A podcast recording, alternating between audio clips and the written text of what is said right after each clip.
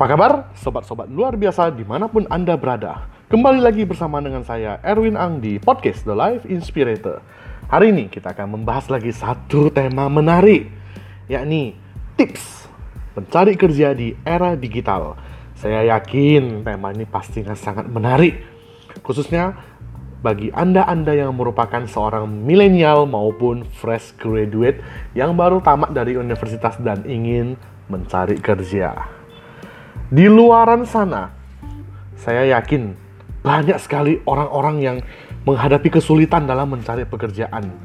Mungkin saja mereka sudah banyak mengirim surat-surat lamaran, daftar riwayat hidup atau resume, namun kok nggak ada ya respon dari staf-staf personalia tempat dia mendaftar. Atau bahkan ada yang sudah melalui tahap wawancara, namun kok belum dipanggil ya, padahal janjinya mau dipanggil Lalu mereka menunggu seminggu, dua minggu, sebulan, bahkan hingga berbulan-bulan. Apakah ini PHP doang? Atau mungkin aja para personaliannya itu tidak mengerti lagi bahwa Anda ini ada. Nah, lalu banyak orang bertanya-tanya, salahnya di mana ya? Apakah resume saya salah tulis? Apakah waktu interview saya salah dalam menjawab? Apakah ini kehendak dari langit bahwa saya belum boleh pindah kerja? Apakah ini kehendak langit mungkin saya disuruh sekolah sana sini lagi? Macam-macam.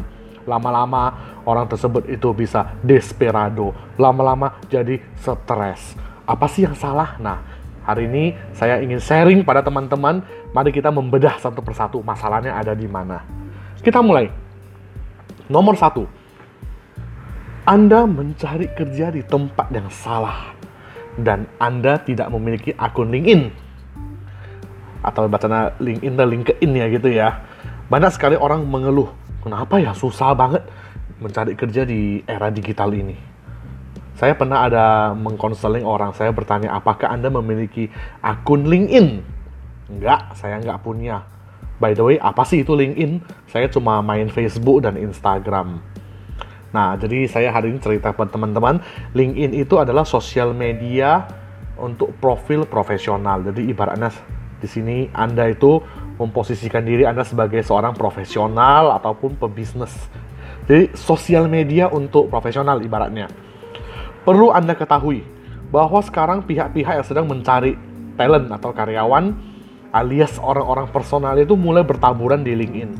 Mereka sudah banyak berpindah dari website penyedia kerja tradisional menuju ke LinkedIn. Karena dalam LinkedIn, ringkasan profesionalisme seseorang itu mudah dibaca dan mereka mudah sekali mencari kandidat yang mereka inginkan. Namun teman-teman apabila Anda sudah membuat profil LinkedIn, perlu diketahui, LinkedIn itu berbeda dengan Facebook maupun Instagram. Di sini apa yang Anda makan, Anda post itu nggak penting bagi siapa pun.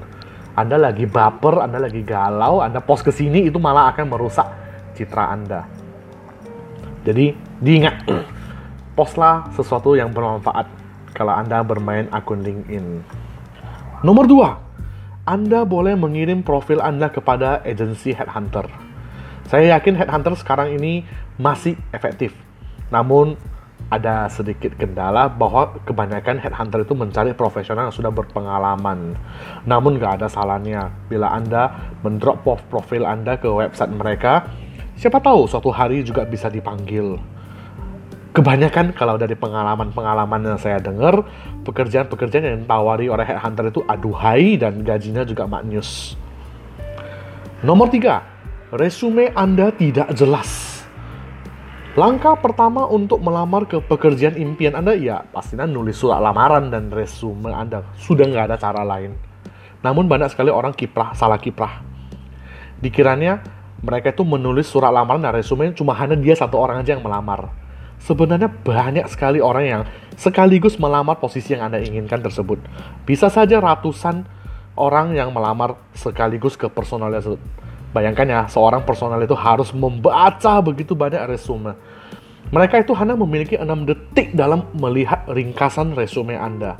Bila dalam 6 detik resume Anda itu tidak menarik, maka say goodbye, adios amigos, resume Anda akan dibuangnya. Jadi, menulis resume yang benar alias jangan keliru Dan kenapa saya mengatakan jangan keliru? Banyak sekali orang yang keliru dalam menulis resume. Mereka memulai menulis resume dari nama, tempat tanggal lahir, alamat warga negara, agama, sekolah di mana. Itu bukan berarti tidak penting. Itu diletakkan di halaman terakhir saja. Halaman pertama resume Anda itu harus memiliki satu paragraf yang menjual tentang diri Anda, yaitu siapakah diri Anda. Profesional, spesial, bidang ini, pakar bidang ini lulusan dari Harvard. Profesional sekian tahun di perusahaan multinasional. Jadi bila halaman ini Anda bisa menulis dengan begitu menarik sehingga menarik perhatian para personalia tersebut, selamat. Anda sudah menang 50%. Sisanya tinggal Anda melampirkan pengalaman Anda, hasil pencapaian Anda, pendidikan Anda, lulusan mana dan sebagainya. Yang keempat, tidak lain banyaklah bergaul.